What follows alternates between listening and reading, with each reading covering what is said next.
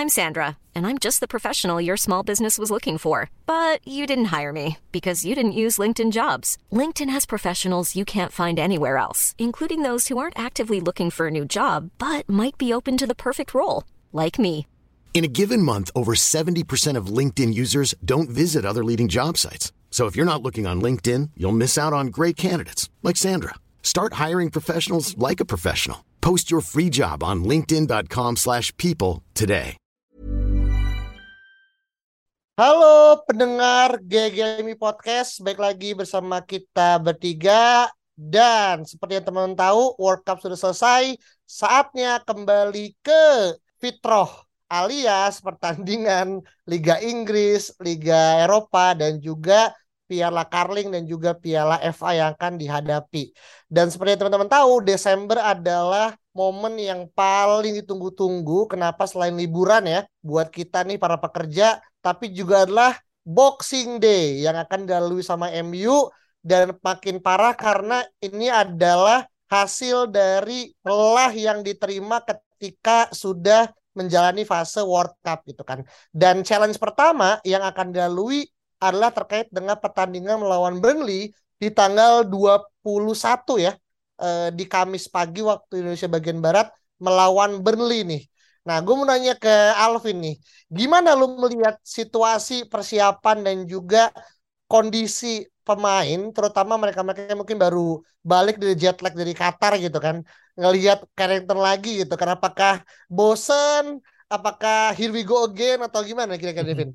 Iya, jadi menurut gua kalau misalnya pemain-pemain yang baru balik dari Qatar ya, terutama yang main di final itu kayaknya sih nggak akan langsung bermain di uh, pertandingan lawan Burnley ini.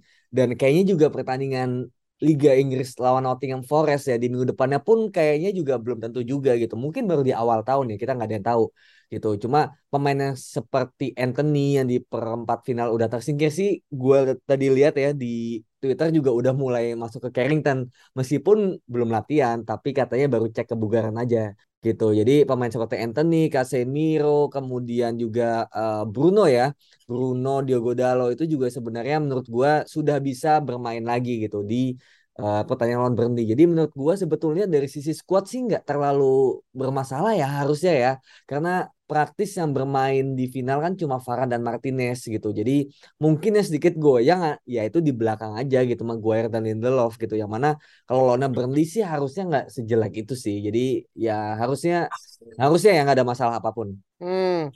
Oke, jadi lebih kepada yang perlu dikonsenkan kan bagian belakang ya, untuk supaya akhirnya kita bisa menambal. Karena jujur ini juga setuju sih gue sama Alvin, karena kalau misalnya kita menggunakan dua pertandingan sebelumnya ya, uh, coba ya, lawan Betis dan juga uh, Cadiz ya. Sektor belakang kan jadi sektor yang paling jadi ini ya uh, perhatian karena kita kejebolan total berarti 6 gol ya gitu kan.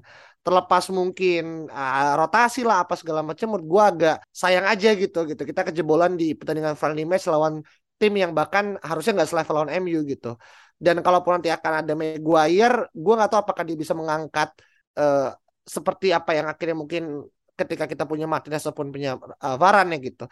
Tapi kalau dari Saung sendiri ada nggak poin berbeda untuk akhirnya terkait dengan uh, apa namanya persiapan? Kan ini gue juga lihat nih di uh, YouTube PMU juga pemain juga udah mulai masuk ya ke karakter juga latihan juga segala macam. Uh, kita lawan Burnley itu ini ya uh, Piala Liga ya. Iya, Carling ya. Carling, ya, Karabo, Karabo. Cup gitu. Yang gue takutkan cuma uh, satu sih. Mungkin Burnley gue nggak tahu ada berapa banyak pemain yang dia yang diambil untuk World Cup gitu ya. Dan gua rasa dia tidak akan sebanyak United. Itu itu udah jelas gitu ya. Dan yang kedua mereka punya banyak waktu persiapan gitu untuk timnya menyiapkan pertandingan ini gitu. Dan yang ketiga uh, apakah Ten Hag akan langsung mempercayai pemain-pemain yang baru saja pulang untuk langsung masuk ke starting lineup atau enggak gitu? Karena uh, untuk karena di tiga pertandingan terakhir gitu ya di uh, apa yang dilalui oleh oleh United gitu lawan Cadiz, lawan Betis dan juga lawan Everton kan kita tidak mendapatkan hasil yang cukup oke gitu. Dan uh, apa namanya banyak pemain-pemain muda yang dimainkan gitu. Nah, ini ini yang menurut gue perlu perlu jadi perhatian sih gitu. Karena memang mungkin kita jangan sampai kita buang-buang peluang aja sih dalam artian ini uh, Piala Liga gitu ya. Ini mungkin salah satu shot terbaik kita untuk dapat trofi gitu ya. Hmm. Jadi jangan sampai Ten Hag ini dan juga para pemain-pemain ini bisa leleh-leleh di dalam, dalam artian kayak ya kemarin gue habis nonton World Cup, gue habis main World Cup, kenapa sekarang gue main di Carling lawan Burnley, hmm. ya, fucking shit gitu ya ibaratnya. Jadi kayak hmm. mentalitas dan profesionalismenya itu yang harus dijaga oleh United saat ini sih menurut gue. Hmm, iya iya iya iya oke oke. Nah kalau kita ngelihat masalah persiapan ya udahlah ya kita bisa lihat siapa pemain yang akhirnya udah hadir dan let's say pemain Inggris harusnya udah muncul ya, Luke Shaw gitu kan, uh, terus juga uh, Rashford gitu kan. Kalau Sancho nih masih tanda tanya ya, dan kita mungkin akan bahas juga di acara terpisah gitu kan. Tapi at least mayoritas sudah pada balik bahkan Anthony pun juga udah ngepost foto selfie ya jadi kita bisa lihat bagaimana pemain juga udah siap untuk balik ke habitat awal tapi ini kita menarik ya karena kita ngelawan uh, Burnley yang di uh, apa ya bisa bilang ya uh, tire sebelumnya itu mengalahkan Middlesbrough yang di mana Middlesbrough dilatih sama Michael Carrick gitu kan. Uh, dia kalah, mereka kalah 3-1 gitu kan. Uh, timnya Carrick gitu yang buat akhirnya uh, siapa namanya Burnley ini masuk nih ke apa namanya uh, lawan MU segala macam. Nah, kalau ngomongin masalah kualitas, kalau ngomongin masalah pemain pasti gue cukup ngerasa Burnley lebih diuntungkan kenapa? Karena pemainnya nggak banyak yang ikut World Cup jadi lebih stabil dan juga nggak banyak pemain akhirnya uh, apa off segala macam. Tapi kalau untuk masalah peluang kira-kira lu ngelihat MU untuk masuk ke tahap babak keempat berarti ya. Uh, besar nggak kira-kira nih, Ung? Man United lolos ke babak final maksudnya, keempat. Iya, misalkan babak berikutnya kan terus kan naik kan segala ya, macam. Ya, ya. Uh, sangat sangat memungkinkan sih dalam artian maksudnya kita secara komposisi pemain juga tidak seburuk itu ya gitu dan bahkan kayak tadi lo sempat uh, mention beberapa pemain yang sudah tersingkir gitu kayak kayak Brazil, Inggris dan juga um, apa namanya Portugal kayaknya belum ya belum belum balik gitu. Cuman pemain-pemain kunci kita kan ada di ada di beberapa tim timnas sudah udah pada balik jadi harusnya sih tidak sesusah itu sih men kita dan harusnya sih sangat-sangat masuk akal apabila kita besok uh, lawan Burnley kita masih bisa lolos gitu ya uh, eh, gue ngomong ngecing cuman harusnya sih secara masuk akal harusnya masih bisa dan untuk lolos ke babak selanjutnya sih harusnya sih udah udah udah gak jadi pertanyaan sih men menurut gue. Hmm, iya hmm. iya iya. By the way, tapi gini Vin. Hmm, hmm. Gimana gimana? Ini kan juga jadi menarik karena Burnley itu dilatih sama Vincent Company. Betul. Iya kan? Ya. Yang mana juga ternyata ada wingernya Maroko ya, Anas Zarouri. Ya ternyata hmm. juga pemain Maroko gitu yang kita tahu kemarin uh, mungkin meskipun harusnya sih hmm. harusnya sih masih libur ya. Harusnya. ah, tapi kan kita nggak tahu nih kalau misalkan uh, klub calling kan bisa aja. Tapi kita ya well mungkin besar mungkin akan off gitu kan. Tapi Burnley juga ternyata main di divisi championship ini sekarang peringkat dua loh by the way. Di bawahnya siapa namanya? Um, gue lupa lagi. Sheffield, uh, Sheffield United ya hmm. ya gitu kan. Yang gue sih ngerasa akan balik lagi nih ke championship lagi nih. Eh sorry ke apa IPL lagi kan musim depan. Tapi lu gimana untuk terkait dengan peluang dan mungkin uh, company bukan orang baru ya karena dia juga uh, pemain yang bahkan mengalahkan MU 6-1 kan ketika dulu ada Manuel Bolte kan dia juga gitu. Ada nggak mungkin hal-hal yang mungkin bisa di ini Vin dielaborasi lagi Vin? Iya, gue sempat baca gitu bahwa Vincent Kompany ini di Burnley itu mainnya cukup atraktif gitu. Jadi memang Burnley yang sekarang itu adalah Burnley yang berbeda dengan Burnley yang kita lihat di musim lalu yang mana dilatih oleh si Dyche ya untuk bermusim-musim gitu yang cuma mainin long ball, nge-skip bagian tengah, 4-4-2, flat gitu kan. Dan sekarang di Vincent Company ini nggak kayak gitu mainnya. Mereka mainnya bola dari bawah, kemudian build up. Yang mana udah kekinian banget lah modern football gitu. Yang mana ini kan menurut gue ya mengerikan juga. Kalau misalnya MU backnya juga nanti nggak cukup kokoh dan kemudian banyak pemain kunci yang hilang gitu. Menurut gue um, melihat juga presis bukan presisi ya kayak um, beberapa friendly match MU yang terlihat kurang meyakinkan menurut gue ini juga bisa bahaya juga gitu. Karena kalau Burnley-nya ternyata proaktif untuk pegang bola dan pemain MU-nya juga ternyata terlalu mudah diserang ini kayak menunggu waktu aja untuk kebobolan. Dan once kebobolan untuk cetak gol lagi itu kan butuh sebuah mentalitas tinggi gitu yang mana pemain-pemain kunci kita ini yang punya mentalitas mentalitas tinggi ini bisa jadi belum pada pulang gitu loh ke MU. Jadi ini juga menurut gue pertandingan yang seharusnya gitu di atas kertas harusnya kalau misalnya pemain kayak Bruno, Anthony gitu udah pada balik, yang di perempat final itu yang gugur itu udah pada balik, harusnya sih bisa bermain dengan oke okay lah ya gitu. Cuma kalau misalnya mereka nggak balik sih, gue cukup tidak yakin ya dengan apakah MU ini bisa dengan mudahnya ya, dengan mudahnya akan melewati Vincent Kompany begitu saja gitu. Pun kalaupun nanti akan lolos itu mungkin agak sedikit struggle karena yang gue dengar dan yang gue baca Kompany ini mainnya cukup bagus di Burnley. Hmm, ya iya. Dan mereka juga di dua pertandingan terakhir juga menang lawan KPR dan lawan Middlesbrough gitu kan. Bahkan pas lawan Middlesbrough itu mereka sempat ketinggalan dulu satu kosong kan. Hingga akhirnya akhirnya mereka comeback dengan skor 3-1. Ya menurut gue kayak ini gue bahkan nggak belum lihat ya pemain-pemainnya apakah masih ada si siapa Vin Austin Austin gak sih? Uh, Burns, Ashley oh, Burns. Asli Ashley Burns ya, yeah, yang yeah. akhirnya mungkin masih menjadi tumpuan tapi dan menariknya menariknya itu kipernya tuh namanya Muric Muric ini adalah dulu kiper cadangan Manchester City hmm. nah kita tahu sendiri kan Manchester City ini dari akademinya dari bawahnya ini semua kiper-kipernya ini udah dilatih untuk bermain dari bawah gitu jadi hmm. kelihatan yeah. lah Burnley ini mainnya kayak apa dan hmm. dan yang serem tuh ada satu pemain yang sempat menggagalkan kemenangan Argentina juga di World Cup ini ya yaitu yaitu Wout Weghorst ya dari hmm. Belanda gitu yang ternyata dia juga main di Burnley gue juga baru tahu nih.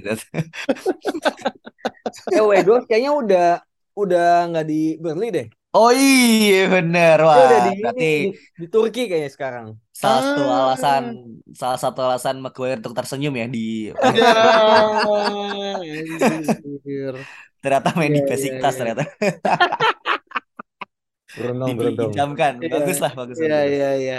Tapi kalau kita ngomongin stats ya, uh, kita di dua match terakhir lawan Burnley kita menang dan last uh, victory kita itu di Desember tahun lalu ya, 3-1 kita menang di Old Trafford gitu kan. Yang mana sebenarnya kalau secara catatan sejarah sih kita nggak perlu untuk berkecil hati ya untuk apalagi ini kan menurut gue ini adalah pertandingan pertamanya Ten Hag lagi ya setelah ribut dulu gitu kan ribut dalam arti uh, berhenti dulu kan. Di mana gue sih yakin uh, formnya harus dijaga gitu. Apalagi kan last match kita juga menang kan di match terakhir dan match pembuka juga harusnya menang juga untuk bisa mengembalikan uh, stam, um, satu mengembalikan mental yang kedua mengembalikan kepercayaan diri gitu yang akhirnya sekarang juga lagi disusun-susun lagi gitu. Nah untuk terkait dengan uh, apa namanya potensinya kita juga tahu ya kayak ya meskipun dimain di kandang tapi kalaupun akhirnya yang main itu misalkan orang Wan Bisaka gitu kan atau Eddie Kiriatal lah Brandon Williams gue juga cukup khawatir nih gitu. Karena kemarin aja kita ngelawan tim yang mungkin levelnya selevel Burnley Kadis gitu kan bahkan lebih bawa lagi kita kalah gitu. Tapi kalau kita ngomongin starting kira-kira siapa nih Vin yang akhirnya mungkin bisa berpeluang untuk masuk ke top 11 besok Vin? Kalau misalnya starting menurut gua kiper udah pasti ya David De Gea akan kembali bermain di uh, apa menjadi kiper. Kemudian kanan ya kalau misalnya Diogo Dalo udah kembali sih menurut gua ini booster yang sangat bagus gitu. Karena Wan Bisaka kayaknya memang udah ya udah finish aja lah gitu di. Jadi Diogo Dalo semoga bermain Uh, kemudian backnya udah pasti ya Maguire Lindelof, kirinya juga ya gue yakin show harusnya ya kalau misal Portugal balik ya harusnya Inggris juga udah balik dong gitu. Jadi harusnya show juga udah main lagi. Malaysia, Belanda juga perempat final ya kalau nggak salah. Jadi uh, kita sebenarnya masih melihat mungkin satu dua hari ke depan ya pemain-pemain yang perempat final ini tersingkir udah ada di latihan atau belum gitu. Itu sih. Jadi menurut gua uh, lini tengahnya juga ada Casemiro, kemudian Scott atau Fred, kemudian Erikson juga udah malah di grup udah nggak lolos kan. Jadi menurut gua Erikson ini penting banget. Bruno Fernandes, kemudian kirinya ada Rashford, kanannya Anthony, depannya juga siapa ya Martial yang nggak masuk Piala Dunia gitu. Jadi menurut gua full tim sih kalau misalnya perempat final ini tim-tim yang kemarin tersingkir ini pada balik semua ya menurut gua full tim dan harusnya sih nggak jadi masalah berarti ya harusnya ya. Kecuali kalau misalnya tim-tim yang perempat final ini yang kayak Anthony ternyata cuma cek kebugaran aja dan nggak latihan ternyata pulang lagi liburan lagi. Nah itu gue cukup khawatir itu kalau itu. Dan iya, mungkin yeah, yeah. ini ya uh, kita bisa menunjukkan ke Didier Deschamps itu bahwa salah satu alasan kenapa mereka tidak kembali menang World Cup adalah meninggalkan Anthony Martial ya. Iya. Ini satu alasan gitu dan juga uh, kalau kalian ingat company ini pernah mention bahwa uh, ketika ditanya ya, uh, lo mau nggak nih uh, Ronaldo main untuk tim lo? Gitu. Dan dia bilang bahwa oh nggak, gue butuh pemain yang uh, punya speed lah gitu. Jadi seolah-olah mengatakan bahwa Ronaldo ini tidak tidak punya speed lagi gitu. Dan ini kan akan jadi motivasi yang cukup besar ya apalagi untuk fanboy dia yaitu Alejandro Garnacho yang gue rasa akan masuk starting lineup kembali gitu ya. Sambung-sambungin semua. iya ya, gue tahu sih. Kalau ke sana sih. Memang arahnya propaganda Garnacho nih. Aduh. Jadi Oke, gimana gimana gimana gimana? sih, harusnya sih tidak jadi masalah lah ini. Melawan Hmm. Burnley harusnya nggak jadi masalah sih. Hmm, ya, ya, ya, ya, boleh, boleh. Maksudnya, gue tahu sih, tadi gue sebenarnya juga kan, kayak gimana peluang pemain muda untuk akhirnya bisa involve gitu, dan Saung udah, udah langsung ngomong gitu ke Garnacho gitu. Jadi, ya ini, ini baik lagi ya, eh, kita nggak tahu apa yang Ten Hag akan lakukan dengan skuad yang ada gitu kan.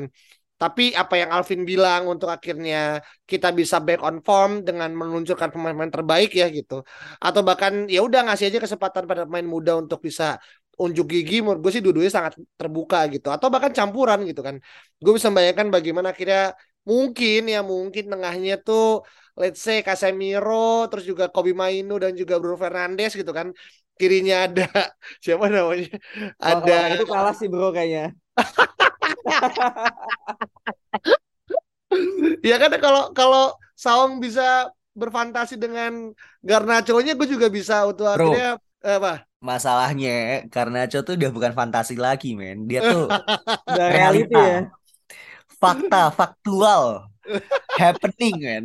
Kalau Kobi Maino kan masih nunggu dulu ya. Ini kan kemarin kan lawan Kadis juga kayaknya dia belum terlalu oke nih. Jadi sabar dulu lah bro. Satu-satu bro.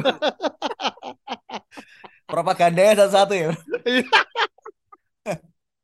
Ini emang yang masih belum kelihatan tuh Alvin nih kan. Ini teman-teman yang pendengar GG ini pasti cukup paham Alvin tuh masih masih agak apa ya? Skeptis. me- me- me- menyimpan gitu kan. Siapa nih yang akhirnya bisa gua ah, propagandain gitu. Tapi kalau boleh nih Vin, kayak lu akhirnya ngelihat siapa sih satu nama yang pengen lu lihat untuk main besok eh, ya selain dari tadi lu sebutin gitu. Nama-nama yang mungkin tadi kalau gua sama Saung udah tahu ya pasti ya. Kita di belakang siapa gitu. Tapi kalau sendiri ada nggak kira-kira? Kalau misalnya pemain muda sih dari awal gue udah nyebut ya dari preseason kemarin Hidan Iqbal sih yang mana gue merasa dia tuh mirip banget sama kalau misalnya dia bisa bagus ya bisa dipoles dengan baik dia bisa mirip sama Frenkie de Jong gitu dari sisi dribble dan juga press resistance-nya gitu. Jadi sayangnya Iqbal ini kan posisinya agak rumit gitu loh. Dia DM bukan tapi lebih ke CM tapi CM-nya juga CM yang agak AM juga gitu. Jadi menurut gue agak tabrakan juga posisinya dan agak kurang jelas gitu untuk saat ini kalau di EM mungkin dia terlalu ke depan, di CM juga terlalu deep gitu. Jadi menurut gua ya gue pengen lihatnya sih Zidane Iqbal. Hmm, oke, oke, oke, oke. Berarti lebih kepada akhirnya memberikan kesempatan ya untuk Zidane kita. Dan kemarin juga Zidane kan main kan di Ya. match lawan Cadiz gitu kan. Bagus kan mainnya? Gua nggak ngelihat secara rinci ya, cuman di 20 menit ya oke lah gitu. Meskipun beberapa kali dia kehilangan bola ya, Eh, ya memberikan kewajaran lah untuk pemain muda gitu kan. Tapi gua nggak tahu ya kayak eh, mungkin Saung punya pendapat gitu. Mhm. Gua kadang ngerasa pemain kayak Charlie Savage, eh, Zidane Iqbal gitu kan. Indian kan pasti mereka akan bersaing dengan dengan youngster lainnya gitu kan. Kayak lu mau nggak mau akan akan bersaing dengan pemain-pemain yang eh, lebih muda, lebih muda, lebih muda terus gitu. Dan menurut gue sih, gue mungkin bisa salah, tapi gue nggak ngelihat Zidane Iqbal itu bisa mencapai level posisi di mana akhirnya MU itu membutuhkan dia gitu sih, Vin. In my opinion ya gitu. Eh, tapi gue nggak tahu nih lo gimana. Tapi kalau lu Ung ngelihat potensinya Garnacho tuh bisa mencapai level seberapa sih Ung? Ini kalau bisa ngomongin sedikit ya kadang ngelempar ke sana segala macam. Mungkin kembali ke Zidane Iqbal dulu kali ya untuk Ya, ya. terkait midfield gue rasa agak susah karena eh, salah satu pemain terbaik kita gitu ya le- legenda kita kan memang datangnya dari midfield dan dari akademi gitu kan. Ada Hmm. Scholes ada eh, Nicky Butt ada David Beckham gitu dan semua kan memang dari midfield pada awalnya gitu. Dan setelah itu eh saat ini gitu ya yang datang dari akademi dan bisa bermain di midfield dan starting itu kan Scott McTominay ya. Dan gue gue nggak mau disrespect sih cuman kayak secara quality tentu sangat jauh dan ini kan seolah-olah menunjukkan bahwa oh berarti gue harus ada di level kayak Scott McTominay nih untuk dapat bermain di Manchester United gitu yang which is menurut gue ini sesuatu yang salah karena sekarang lo punya Erikson, lo punya Casemiro dan lo punya Bruno Fernandes gitu dan ini sangat-sangat susah untuk lo bisa tembus ke sana gitu. Dan ini berbeda dengan apa yang kita punya di midfield sekarang gitu. Eh di di sorry di uh, attacking department kita sekarang gitu kan. Kalau misalnya kita lihat ke belakang gitu, ada Marcus Rashford yang bisa dengan tiba-tiba breakthrough dengan sangat luar biasa gitu ya uh, di menggantikan Anthony Martial pada saat yang cedera gitu dan juga uh, siapa namanya Greenwood bahkan gitu yang yang yang dia secara quality juga sangat oke okay. makanya dengan kehadiran si Alejandro Garnacho ini kayak oh ya berarti gue harus bermain selevel kayak mereka nih gitu. Gue harus perform seperti ini nih gitu. Untuk untuk untuk tembus dan ini didukung dengan manajemen kita yang cukup buruk pengelolaannya untuk membeli uh, apa namanya pemain-pemain di lini depan. Jadi kayak ada faktor-faktor di luar di luar uh, kualitas seorang pemain yang juga uh, berdampak pada cepat atau tidaknya lo bisa masuk dalam starting line up ini sih. Dan menurut gue sekarang saat ini lini depan itu sangat diuntungkan daripada di tengah. Hmm, oke. Okay. Berarti kan lebih kepada kayak satu beban ekspektasi, yang kedua lebih kepada kayak gue nggak tahu ya Vin ya. Menurut gue pribadi pemain tengah tuh vital gitu. Dia yang jadi jembatan depan dan juga belakang gitu. Makanya kayak gue lebih bisa ngeliat Garnacho atau bahkan mungkin ya di masa yang lebih 2 3 4 tahun lagi kayak Willy Kambuala yang udah bagi cedera yeah. untuk bisa masuk ke starting gitu kan eh, yang sebagai posisi CB gitu ketimbang pemain tengah gitu. Karena berat banget gitu untuk memikul tengahnya MU itu.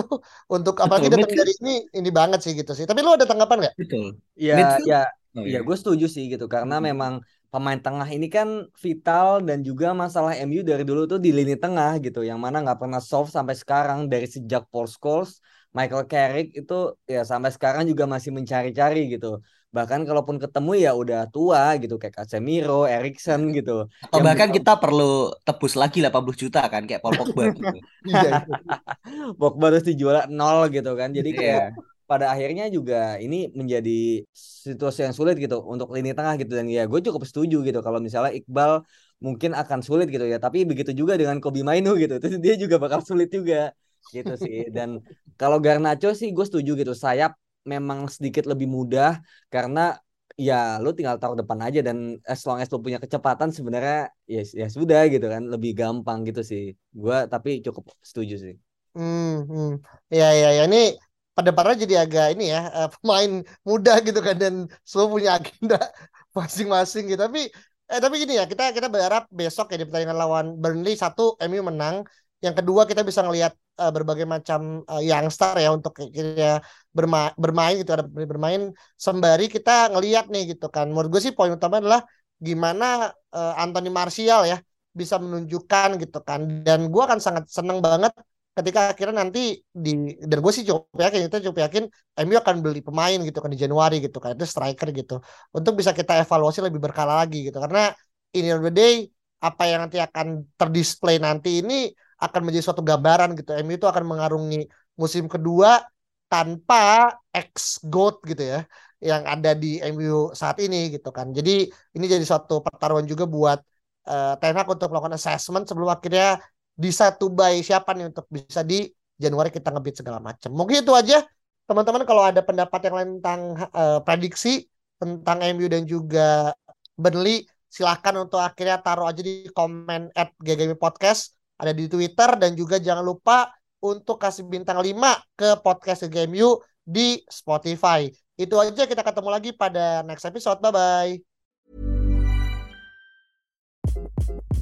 Hi, this is Craig Robinson from Ways to Win, and support for this podcast comes from Invesco QQQ the official ETF of the NCAA. Invesco QQQ is proud to sponsor this episode and even prouder to provide access to innovation for the last 25 years. Basketball has had innovations over the years too. We're seeing the game played in new ways every day. Learn more at Invesco.com slash QQQ. Let's rethink possibility. Invesco Distributors, Inc.